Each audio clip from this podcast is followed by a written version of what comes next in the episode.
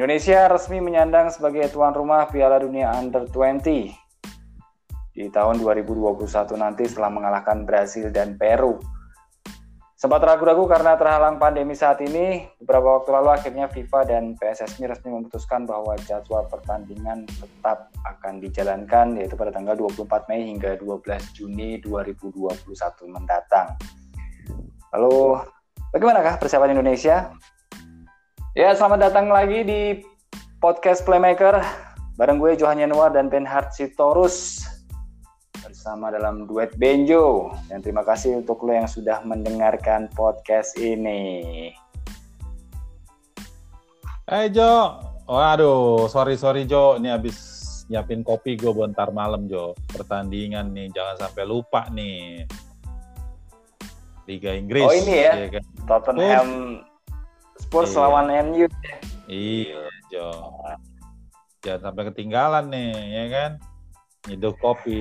lu kan ngirim-ngirim kopi sih Jo, katanya lu udah jadi barista, tapi belum dapet gue sampai sekarang nih kopinya nih. Nyium-nyium. Ntar, gue, gue masih trial-trial nih, ntar deh kalau udah jadi, gue kirim tuh ntar. Apanya? Itunya ya, Botolnya. mesinnya ya. Aduh, butuh Jo eh. sekarang kita Jo. Tiada iya, hari tanpa pertandingan, ya kan? akhirnya ya balik lagi kita. Bisa begadang. Tapi lo nggak ngucapin selamat ke gue dulu om. Gimana sih? Apa? Oh Lewandowski juara. Yo, tahun Bundesliga ya. Iya iya iya. Oke Jo. Akhirnya lo berpindah ke tim juara juga akhirnya. Walaupun dia bukan tadinya kan lo Roma ya kan? Ternyata sekarang udah Munchen. Jadi gitu ya dengar ya. Catat nih Johan udah nggak romanisti lagi. Tapi dia sudah menjadi Bayern. Tunggu, saya klarifikasi ya. Saya klarifikasi supaya nggak salah saya tetap romanisti. Tadi cuma Dia kan minta di ya. congratulation ya kan oke oke okay, kita mau ngomongin soal ini nih Piala Dunia Under 20 ya kelompok usia di bawah yeah. 2021 mendatang nih. Ini kira-kira gimana nih persiapan Indonesia akhirnya FIFA sama PSSI ya kemarin beberapa waktu yang lalu kan mereka baru ketemu lah gitu ya. Virtual, meeting virtual. virtual. Iya. Mana dikasih dia masa pakai surat apa tuh Jo? Kalau dia mau terbang kan mesti ada surat-surat segala macam tuh menyatakan surat izin keluar masuk SIKM. Swab swab test ya kan segala macam tuh mesti ngelampirin. Tapi selain itu juga memang ya FIFA juga proteksi ya mereka juga nggak nggak ingin terbang dulu itu kan pertemuan dengan apa men's turnamen manager FIFA yaitu Christian Smolzer ya sama head youth turnamen Roberto Grassi. Tapi sebelumnya Jo gue uh, pengen sharing juga nih sama pendengar nih Jo agenda-agenda pertandingan timnas ya my senior junior terus toddler. Eh enggak ya bukan toddler ya. Tapi U22 U19 U16 ya kan? Senior tuh lanjut di kualifikasi Piala Dunia 2002 2022 zona Asia grup G ya kan di Piala ya, sekaligus juga di Piala Asia. Nah, ini juga unik Jo karena targetnya di tiga pertandingan terakhir pengen Indonesia balik uh, memperbaiki peringkat 150 ya kan Sintayong punya target itu itu juga gue nggak mau dalam-dalam ngomongin itu tapi kayaknya terlalu inilah ya target memperbaiki peringkat itu nggak usah disebut gitu loh harusnya tapi kita nggak jangan terlalu lama tuh bahas-bahas itu tapi yang pasti nggak usah disebut lah peringkat apa target memperbaiki peringkat karena sekarang kan udah udah deket dengan uh, apa dengan Kamboja ya.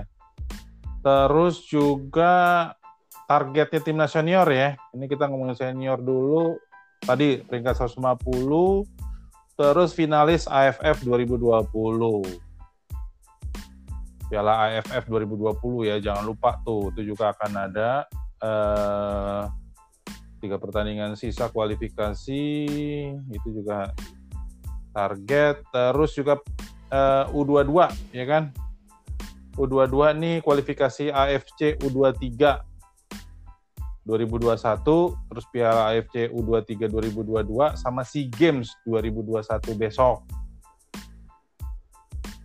Terus timnas U19, iya. Iya. Timnas U19 ini yang kita mau bahas nih, ya kan?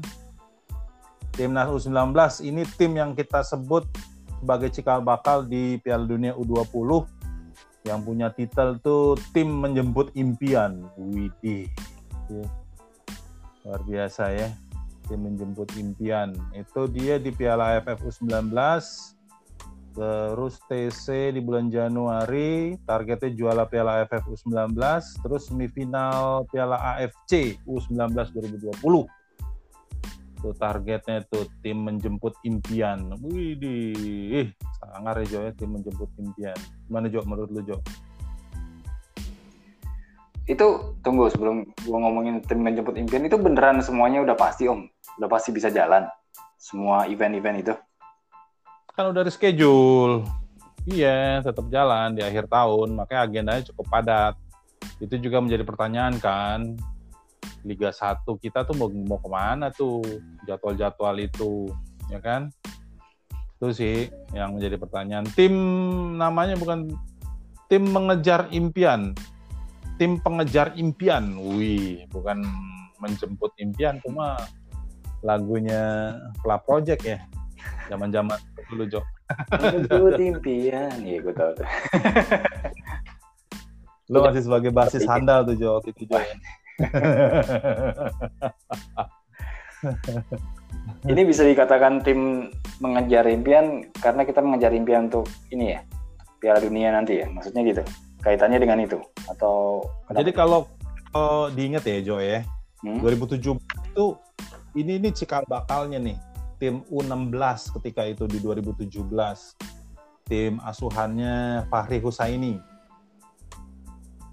jadi sekarang udah U19 tuh model-model kayak Supriyadi, Beckham Putra, David Molana, terus Sultan Ziko, Brilian Aldama ya kan, Bagas Kava, Bagus Kavi, Fajar Fatur Rahman itu kan zaman-zaman dia tuh yang cikal bakalnya 2017 yang diplot sebagai tim pengejar impian. Nah saat ini nih udah disiapin sama Sintayong itu uh, 44 pemain. Cuma pertemuan apa namanya uh, gue sih nggak suka nyebut meeting ya karena ini virtual gitu ya. Jadi pertemuan jarak jauh yang dilakukan oleh Sintayong sama Muhammad Iriawan, Iwan Bule, eh, Ketua PSSI, Wakil Ketua PSSI Iwan Budianto, itu kan akhirnya Kamis kemarin nih Jo, 11 Juni diputuskan tuh targetnya semifinal Piala Dunia U20 Sementara saat ini dengan virtual meeting itu PSSI masih minta untuk Sintayong datang kembali ke Indonesia. Nah, ini yang gue apa ya? Kita balik lagi nih. Posisi tawar, terus schedule yang tidak jelas. Ini membuat akhirnya kita tuh di posisi yang lemah gitu meminta untuk datang. Kalau emang schedule udah bisa harus pulang ya kan? Karena 44 anak ini kan dilatih secara virtual sangat nggak mungkin gitu loh untuk bisa dikontrol. Karena ya ini kalau udah saat kali ini kan tinggal um, kalau eventnya tadi lo sebut ya Jo ya itu di 20 20 Mei sampai 12 Juni berarti kan tinggal setahun nih. Nggak bisa lagi tuh kayak, kayak begitu gitu. Dan target semifinal ini juga uh, patokannya itu nanti di bulan Oktober Jo di AFC U19 Championship di Uzbekistan. Itu 14 sampai 31 Oktober. Uh, tim pengejar mimpi akan main di situ statement itu muncul, permintaan itu muncul secara virtual meeting karena tidak ada agenda yang jelas. PSSI eh, klaim ini karena force major COVID-19. Di sisi lain, Sintayong ketika ditanya, di Korea pun sebenarnya pandemi itu gelombang kedua, second wave. Jadi eh, sepertinya PSSI mengambil jalan tengah, mengharapkan Sintayong itu bisa ke sini. Kalau schedule-nya jelas, sebenarnya dia bisa. Ya, harus saya sebagai federasi itu harusnya bisa dengan jelas. Sintayong itu ada apa enggak second wave di Korea, ya dia harus kembali kalau emang itu schedule-nya jelas, ya kembali gitu. Itu sih yang rasanya indikasi-indikasi uh, kurang kurang tegasnya program-program PSSI era Iwan Bule ini di situ tuh salah satunya tuh. Jadi kalau memang schedule-nya jelas, jadwalnya jelas, apa pun kondisinya, kecuali benar-benar lockdown ya. Korea itu kalau benar-benar lockdown ini kan second wave nggak di state sebagai sesuatu hal yang lockdown. Dia bisa harus tetap kembali. Nah, baru karantina tuh 14 hari nggak terbukti indikasi reaktif baru bergabung lah harus kan bisa gitu loh Jok. Iya ya. Padahal persiapannya itu Oktober ya berarti ini apa ini? Juli, Agustus, September. Kurang lebih tiga bulan ya kan? Iya. Dan jangan lupa loh, ya kan ada pertandingan level senior juga tadi kualifikasi. Kualifikasi ya. untuk Piala Dunia 2022 ya? Itu kapan? Iya. Itu nanti di pas international break sama tadi di bulan September Oktober karena udah geser kan pertandingan pertandingannya. Terus gimana tuh PSSI menghadapi sikap Sintayong yang masih belum mau untuk bisa balik ke Indonesia? Ya ini uh, melengkapi juga apa? Melengkapi juga apa namanya? Uh, bisa dibilang curat marut lah ya persiapan kita sebagai tuan rumah setelah resmi diputuskan di General Meeting Shanghai kemarin kan 24 Oktober itu mengalahkan yang lo bilang tadi mengalahkan Peru pertama ya eh, soal Sintayong kita mundur dulu soal Sekjen Ratu Tisa tuh ya kan yang di April kemarin mundur hmm. terus tim suksesnya juga nih Jo dibongkar juga di era kepengurusan PSSI sekarang. Itu ada setidaknya delapan tim apa eh, kesekjenan itu yang dilepas lah ya. Ada beberapa nama tuh dari bagian kompetisi, bagian media, bagian infrastruktur, bagian event dan hospitality. Jadi ini tim-tim sukses yang memenangkan bidding eh, apa tuan rumah Piala Dunia U20 2021 kemarin. Itu udah dilepas-lepasin tuh bagian timnas ada tuh. Jadi dari kesekjenan setelah sekjennya dilepas kan diganti sama Yunus Nusi itu Jo PLT terus diangkat wakil sekjennya itu eh, si siapa? Eh, Maike Ira Puspita tuh. Si ada kerabat lah ya kerabat dari dari Iwan Bule. Dilepas juga tuh delapan orang yang me, apa, menggodok bersama Ratu Tisa tuh untuk memenangkan. Jadi ya PSSI di kondisi yang gue bilang sih cukup pelik ya. Di report juga kan kemarin eh, PSSI diminta untuk update dua bulan sekali ya. Um, apa uh, report dua bulan sekali di 16 bulan menjelang event itu gitu. Jadi sebenarnya udah mulai nih uh, apa FIFA meminta PSSI itu mereport gitu loh secara reguler ya update tentang kesiapannya ini yang memang uh, kayaknya kurang kurang ajak gitu loh Jo menurut gue Jo. Hmm. Itu yang di report tentang struktur organisasinya atau dari infrastruktur kesiapan infrastruktur kita aja om. Jadi uh, dua bulan sekali harus mereport itu di 16 bulan ya, bukan uh, ya 16 bulan sebelum turnamen. Itu yang perlu di report itu manajemen proyek, komunikasi dan hubungan media, terus keuangan dan administrasi, pemasaran dan sponsor, kemudian perjalanan, transportasi, logistik, keselamatan dan keamanan, terus pagelaran, kompetisi, wasit, media, hak siar, dan komunikasi. Itu hal-halnya tuh yang perlu direport secara reguler ya, dua bulan sekali. Secara berkala dua bulan sekali dari hitungan mundur 16 bulan sebelum turnamen. Tuh yang diungkapkan di meeting terakhir ya, meeting uh, di awal Juni kemarin tuh. Uh, meeting virtual PSSI sama FIFA yang tadi kita bilang Christian hmm. Molzer tadi dari Men's Turnamen Manager FIFA sama Head of Youth Turnamen FIFA itu Roberto Grassi di awal Juni kemarin mereka meminta itu ke PSSI report dua bulan sekali tentang tadi itu hal-hal tadi itu cukup banyak kan laporan manajemen proyek, komunikasi dan hubungan, media, keuangan dan administrasi, pemasaran dan sponsor, perjalanan transportasi logistik, keselamatan dan keamanan, pagelaran kompetisi wasit dan juga media aksiar sama komunikasi. Hmm. Jadi udah cukup serius nih Jo. Iya. Yeah. Tapi kan kita juga kemarin kan punya pengalaman kita sebagai tuan rumah Piala uh, ini ya, apa Asian Games 2018 kan paling nggak kita udah belajar dari itu juga dan cukup sukses kan kita.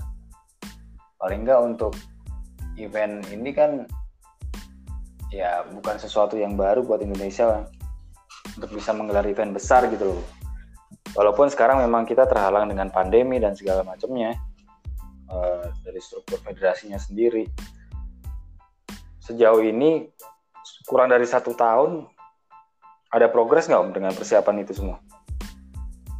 Um, kalau dibilang progres sih sebenarnya tinggal ngelanjutin ya apa yang ditinggalkan oleh kesekjenan yang lama. Memang kalau ngomongin departemen kesekjenan itu kan nggak termasuk di apa pemilihan kepengurusan PSSI. Jadi itu profesional mereka itu dipilih sama pengurus uh, ketum yang terpilih untuk bekerja. Jadi memang bukan bukan apa namanya bukan figur-figur yang dipilih dalam uh, rapat kepengurusan PSSI.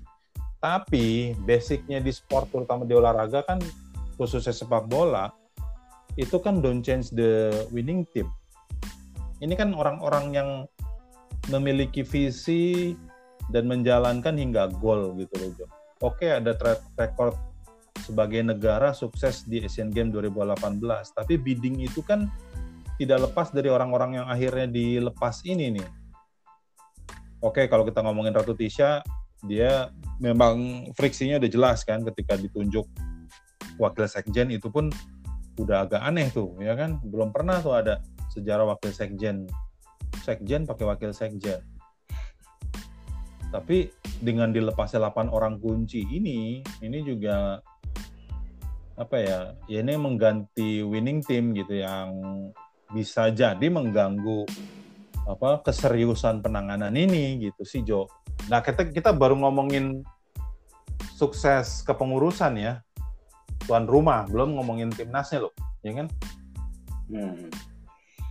Jadi yeah. kalau ngomongin timnasnya, tadi ya masih kepengurusan tuan rumah, kemarin kan Indonesia mengusulkan 10 stadion ya kan? Hmm. Itu juga tuh akhirnya udah mulai ada enam ya akhirnya yang dipilih oleh FIFA ya sebagai venue Piala Dunia U20. 6 itu GBK ya udah pasti ya terus Pakansari Bogor ini udah di Pugar 2012 terus pernah jadi semifin uh, venue semifinal final AFF 2016 dan juga tentunya venue Asian Games ya. Final kan di situ tuh si Son Hyung Min. Ya kan main di Pakansari ya.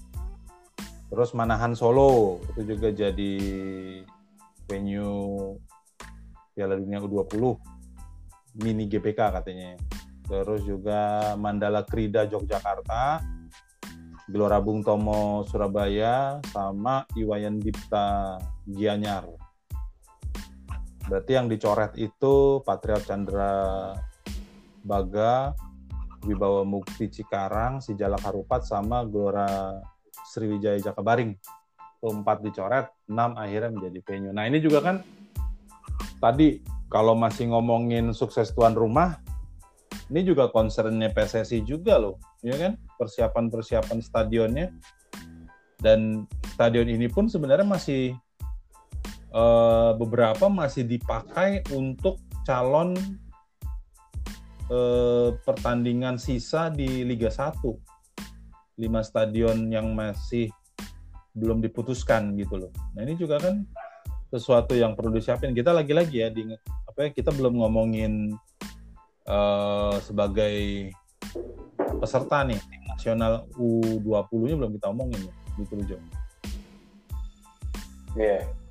Tapi kan ya sebelum kita ngomongin soal para pemainnya dari tubuh organisasinya sendiri kan memang harus jelas dulu tuh. Tadi yang lo bilang kalau kalau para pengurus ini nantinya bukan dari intern PSSI sendiri ya, berarti bekerja sama dengan pihak ketiga. Kalau nanti pas mepet-mepetnya banget nih Om ketika PSSI nggak dan orang PSSI belum menemukan orang-orang ini ada kemungkinan nggak sih Ratu Tisha dan para timnya ini bakal kembali lagi gitu? um, kalau apa membidani mungkin atau langsung turun enggak kali ya tapi ya ini sih sebenarnya perlu uh, kalaupun ada sebenarnya banyak gitu orang-orangnya. Cuman perlu prosesnya tuh perlu dikasih lihat lah ke kita gitu ya bahwa ini on the track.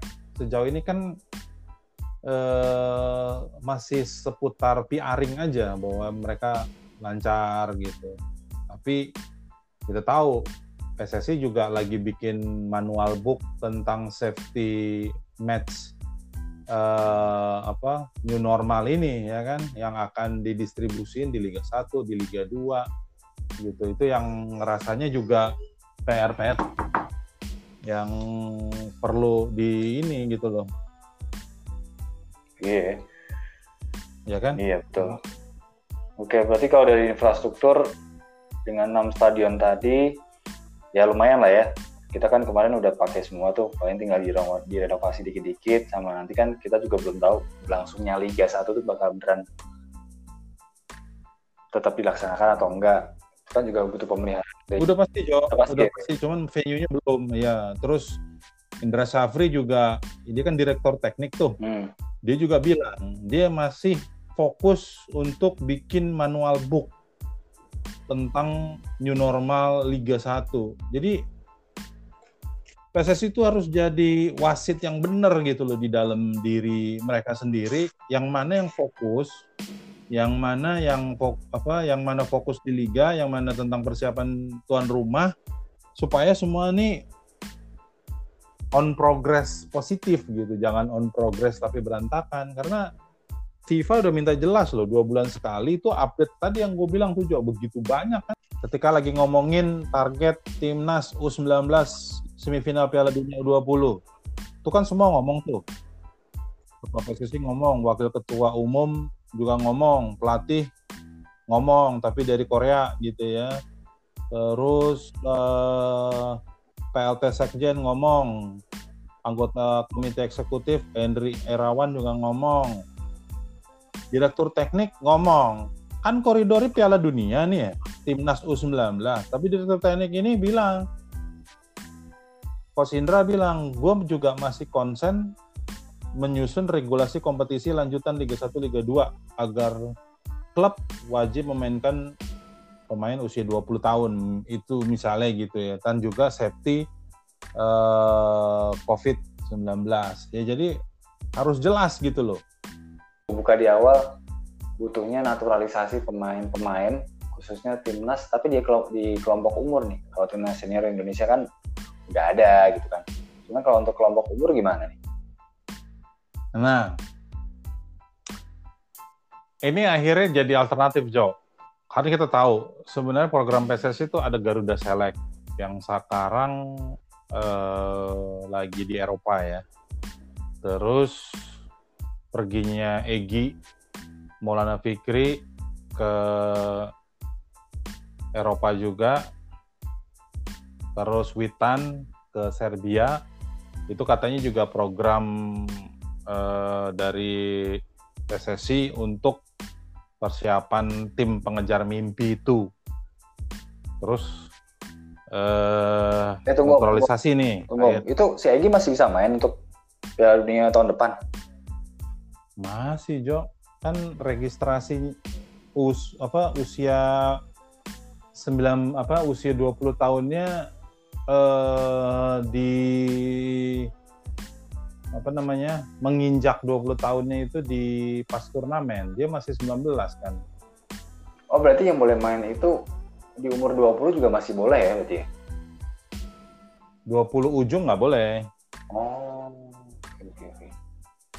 gitu makanya mengemuka tuh pemain-pemain naturalisasi ya jadi eh, ini juga apa ya? Eh, balik lagi ya ke kayak dejavu juga ya Jo ya? Kita udah pernah tuh naturalisasi tapi ini kelompok umur nih sesuatu yang menarik nih kalau kita mau bahas. Kalau ngomongin pemain berdarah Indonesia sebenarnya banyak tuh bertebaran Jo. Kalau mau gampangnya tuh tanya ke manajer-manajer lokal lah yang ada di Indonesia ini, mereka pasti udah kontak tuh. Entah dihidupin di sosial media supaya dikenal publik, atau dia dibujuk untuk mau menukar paspor asing jadi eh, paspor Indonesia gitu ya. Ada beberapa nama Jo, terutama pemain-pemain yang ada di Belanda ya. Tapi banyak juga yang bilang karena targetnya luar biasa nih semifinal ya kan?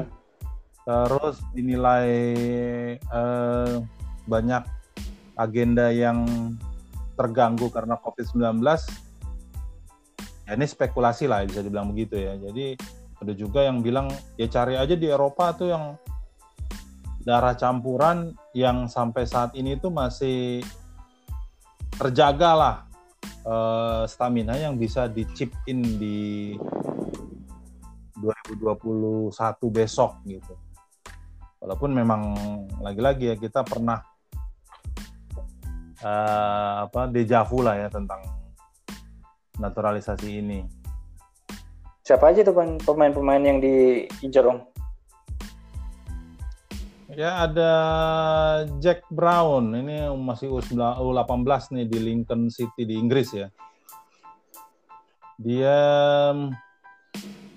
awal-awalnya dia tuh dia pernah di Manchester United tapi akademi, tapi sekarang di Lincoln City U18. Terus di Italia itu ada Emir Eranoto. Itu dia bermain di kasta ke-6 Liga Italia itu di San Marco Juventina. Dia gelandang. Pemain gelandang. Terus ada ya banyak kan sebenarnya di Belanda ya. Ada Ivan Jenner dia dari Utrecht U16 sekarang masih 15 tahun tuh dia bisa di posisi gelandang juga. Terus ada lagi kan Sandy Well sama uh, Kezia Vendro Vendor back dari Emmen FC Emmen cuman eh, kenapa nih kita bahas ya Jo ya tentang naturalisasi? Karena target terlalu ini kayaknya sih bikin apa namanya eh, target itu memang perlu tapi semifinal tuh rasanya ini Piala Dunia loh ya kan? Rasanya sebelum ke situ tuh ada prosesnya ini yang akhirnya banyak akhirnya eh, apa spekulasi tentang naturalisasi. Tapi jangan lupa ketika Iwan Bule itu maju sebagai wakil apa sebagai calon ketum di periode 2019-2023 dia tuh bilang Jo bahwa dia pengen menghentikan program naturalisasi. Jadi dia eh, apa ah, dia akan mengurangi atau dihanguskan. Dia pengen mengoptimalkan bakat pemain lokal. Dan juga pengen pemain lokal bermain di luar, bukan pemain berdarah lokal akhirnya diimpor ke Indonesia.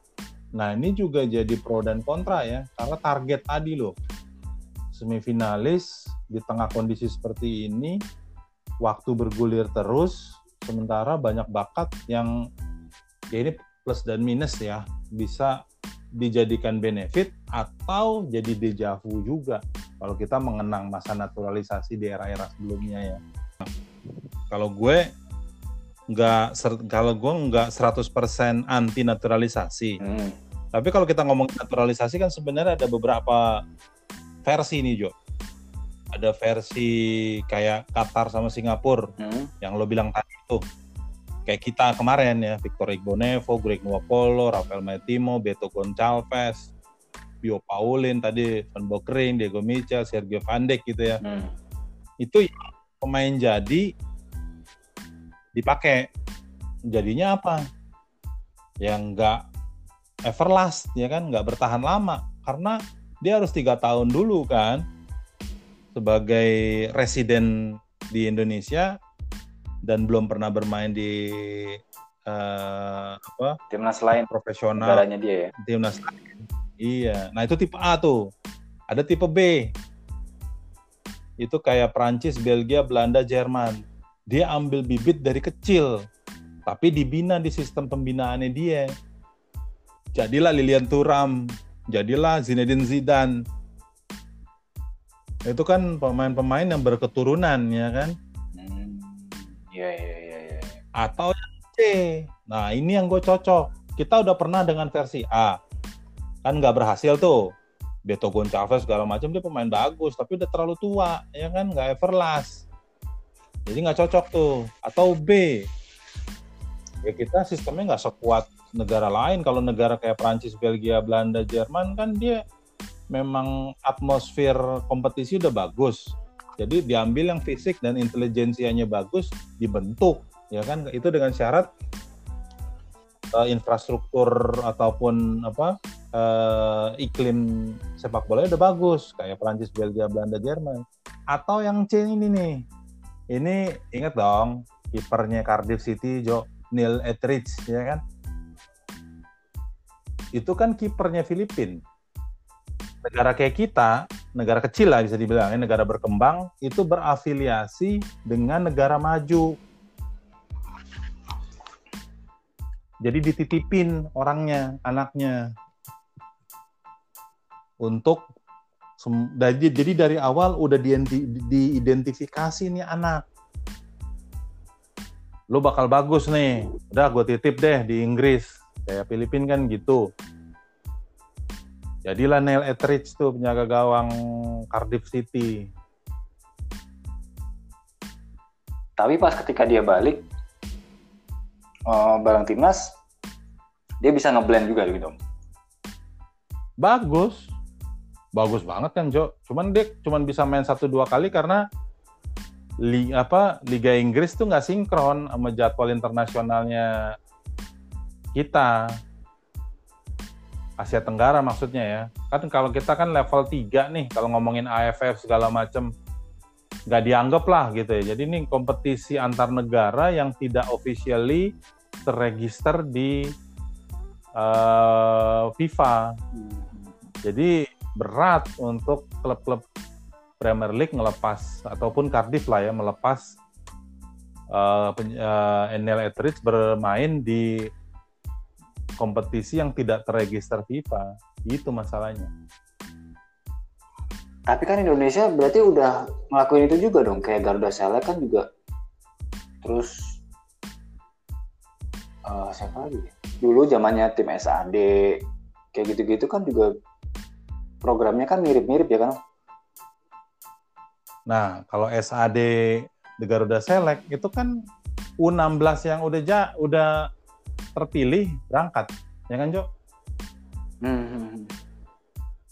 ini U6 U8 Neil Etheridge itu masih di bawah 10 tahun Jo oke oke oke Oh, jadi kalau nanti anak lo udah bisa juggling-juggling gitu Jo ya, yang di mana Jo? Yang di Pantai Indah Kapuk ya atau di mana itu? udah bisa jaga. Ya. Nah itu udah langsung kirim ke Belanda apa ke mana gitu. Tapi warga negara Indonesia bukan yang udah terseleksi U16 berangkat berbondong-bondong atau SAD yang berangkat berbondong-bondong ternyata ada pemain titipan. Hmm, iya iya iya. iya. Kalau kayak gitu sih saat ini Indonesia belum ya. Rata-rata ah. udah jadi aja paling enggak di atas umur. Tadi berapa? Tiga uh, U16 ya, paling enggak ya. U16 kayak bagus. Kava ya kan? Itu nah cuma apa, kayak gitu karirnya bakal akan ke mana mereka. Kayak Garuda Select gitu. Apakah mereka lebih baik tetap berkarir di liga kita sendiri? Atau kalau mereka memang punya potensi yang lebih ya udah. Uh, mungkin ada klub-klub di luar negeri yang memang tertarik mendingan lo ke sana aja gitu loh atau gimana? Uh, supaya nanti kalau model Garuda sampai timnas senior gitu maksud gue. Iya. Kalau Garuda model Garuda Select dia kan nih tidak panjang, Jo. Jadi kalau mengharapkan uh, kelompok A gitu ya. Kayak Liga Inggris, Liga Italia, Liga Spanyol, Liga Jerman untuk merekrut pemain ini rasanya nggak mungkin karena dia dalam uh, rentan waktu yang terbatas kalau dengan program Garuda Select, kemungkinan agen-agen akan melihat dia itu di level yang di bawahnya. Tapi usianya udah 16. Jadi untuk bisa masuk di empat besar liga yang bisa apa menggembleng pemain kita akan bagus seperti Neil Etheridge nggak akan kesampaian karena umurnya udah kelewat. Kalau mau memang harus dari dini banget. Dia sudah ikut dengan atmosfer sepak bola di sana sudah apa tertransformasi lah dirinya seperti di Eropa sana. Neil Etheridge kan juga badannya besar, geraknya cepat. Jadi bukan yang udah setengah jadi 16 tahun berangkat itu nggak akan dilirik oleh klub-klub yang di empat liga terbaik ini. Mungkin akan dilirik di luar dari empat terbaik. Belgia, terus mungkin akan bermain di Swiss tapi levelnya uh, divisi 2, divisi 3, tapi usianya udah 17 kan ketika kompetisi 18 ya udah terlambat yeah. untuk masuk di kompetisi empat negara bagus tadi udah nggak masuk usianya Jo jadi emang nanggung tim pro apa program-program Garuda Select segala macam itu hmm. akan dilihat mungkin iya tapi tidak langsung seperti Neil Etheridge itu akhirnya dia kan ke tempat terus dia di Inggris, Cardiff naik promosi, akhirnya dia main. Nggak akan seperti itu gitu loh, Jo. Iya. Gue jadi inget lo ngomong kayak gini di umur 8 10 tahun ya itu paling paling tepat ya untuk mereka bisa belajar ya. Iya. Dulu gue tahu yang namanya sepak bola Tom. Itu di Piala Dunia 1994. Opa gue yang orang Belanda itu pas lagi datang ke Indonesia ngajakin gue nonton nonton di rumah gitu loh bareng-bareng gitu terus Amerika tuh ya iya Garuda Amerika, di ya? Amerika itu gue masih kelas 3 SD atau 4 SD terus tiba-tiba iya kan gue cukup tertarik dengan itu. Cuman kan gue masih main suka main-main aja. Cuman cukup tertarik. Yeah. cuman belum fokus. Dan gue diajakin waktu itu lo mendingan ikut apa aja ke sana ke Belanda pas sekolahin gini gini gini gue ke PSV atau ya waktu itu dia ngajakinnya ke PSV deh Eindhoven gitu. Itu kalau misalkan gue iyain mungkin gue udah jadi kali om kita nggak jadi playmaker nggak, nggak ada playmaker. Aduh. Tapi memang tapi memang usia terbaik itu sebaiknya di usia 8 sampai 10 tahun ya. Untuk kita bisa menggembleng dari dasar banget gitu. Supaya masih bisa bersaing dan bisa dilihat oleh tim-tim atau klub atau kompetisi yang memang udah udah established gitu ya, Meh. Iya, karena yang diasah kan gak cuma skill di situ, yeah. nutrisi juga, ya kan? Mm. Terus juga tentang apa cara cara pandang visinya dia juga dibentuk di situ. Kalau kebiasaan ketempa kan akan beda dengan kebiasaan di kita gitu. Iya. Itu aja sih. Yeah. Nah ini kalau balik lagi ke persiapan timnas U20 untuk menghadapi Piala Dunia nanti 2021 perlu nggak om dengan kondisi sekarang yang ada eh, liga-liga uh, juga sempat terhenti terus dengan waktu yang kurang dari setahun kalau dengan jangka pendek terus dengan target tadi yang minta semifinal tepat nggak sih untuk naturalisasi? Nah, ini kan tim pengejar mimpi ya Jo ya. Proyeksinya itu selain semifinal uh, Piala Dunia U20 2021 dia juga menembus Olimpiade 2024 terus bermain di Piala Dunia 2030 nih tim pengejar mimpi. Harusnya sih uh, Sintayong mengeksplor lebih banyak. Mengeksplor pemain Jadi, lokal gitu atau gimana jadi ada naturalisasi, oke okay, coba dibuka, hmm. tapi prosesnya disamakan gitu ya. Jadi jangan jangan silau dengan pemain asing gitu ya. Tapi prosesnya sama nih, karena kan seleksi pemain. Buka aja. Berkompetisilah dia sama Beckham Putra, David Molana, Bagas Kava, Bagus Kavi, Randy Juliansyah, Sultan Ziko gitu ya. Main, coba diseleksi. Ya kalau nggak sesuai, dia mau dari Italia mau dari Belanda mau dari Inggris mohon maaf harusnya gitu. Coba aja ya kan? Menjadi tuan rumah sebaik-baiknya itu nggak apa-apa. Tapi mengingat target tuh Jo semifinal. Wow.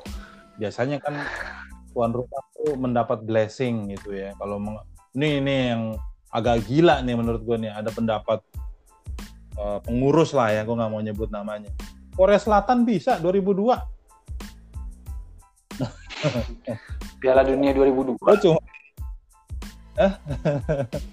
yang Seoul Jepang itu. Iya. Korea Jepang. Oh iya. Korea Selatan semifinalis 2002. Nah, gue sih ketawa aja udah. Oke. Okay. Korea itu udah punya standar kompetisi dan eh, apa infrastruktur standar Eropa walaupun dia di benua Asia sama dengan Jepang. Itu yang ketutup tuh. Kita masih pemilu aja akhir jadwalnya dirubah ya kan? Masih kalah sama politik. Eh ngomongin eh ini apa mentang-mentang tuan rumah Korea bisa kenapa kita enggak? Kan menyingkirkan Italia kan waktu itu kan Oh iya tuh. Bener? Bener. Totti kan. Gue paling inget wasitnya tuh yang bikin, aduh, buat kita tifosi kayaknya. Kayaknya ya, sampai dikejar-kejar sama Fieri itu gue ingat banget tuh. Bayaran dari mana sih nih? Kata-katain nih, Kartunya kantong Jo, habis kartu merah nggak balikin ke kantong, tapi dibawa-bawa gitu kan ngeselin nih. ya nggak mungkin lah. Sampai Ajung ya kan, dia keluar dari Italia ya kan Iya, Perugia ya. Iya.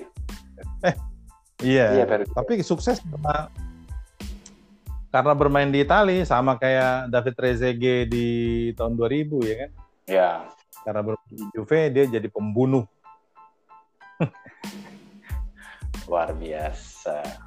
Eh tapi Om, uh, kalau misalkan kalau nanti ada pemain-pemain naturalisasi nih, uh, terus udah, udah dipastikan mereka akan bersama timnas Indonesia dong. Udah nggak bisa lagi milih timnas yang lain bener nggak? 19 ya udah. Udah mentok ya memang harus milih salah satu kan?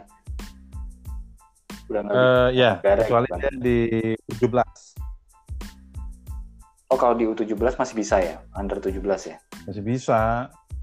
Ya kalau naturalisasi jangan lagi kita mengulang uh, paket A ketika di uh, era-era pemain seperti uh, Van Bukring, terus juga Tony Kusel, jangan lagi langsung mendapat privilege ya.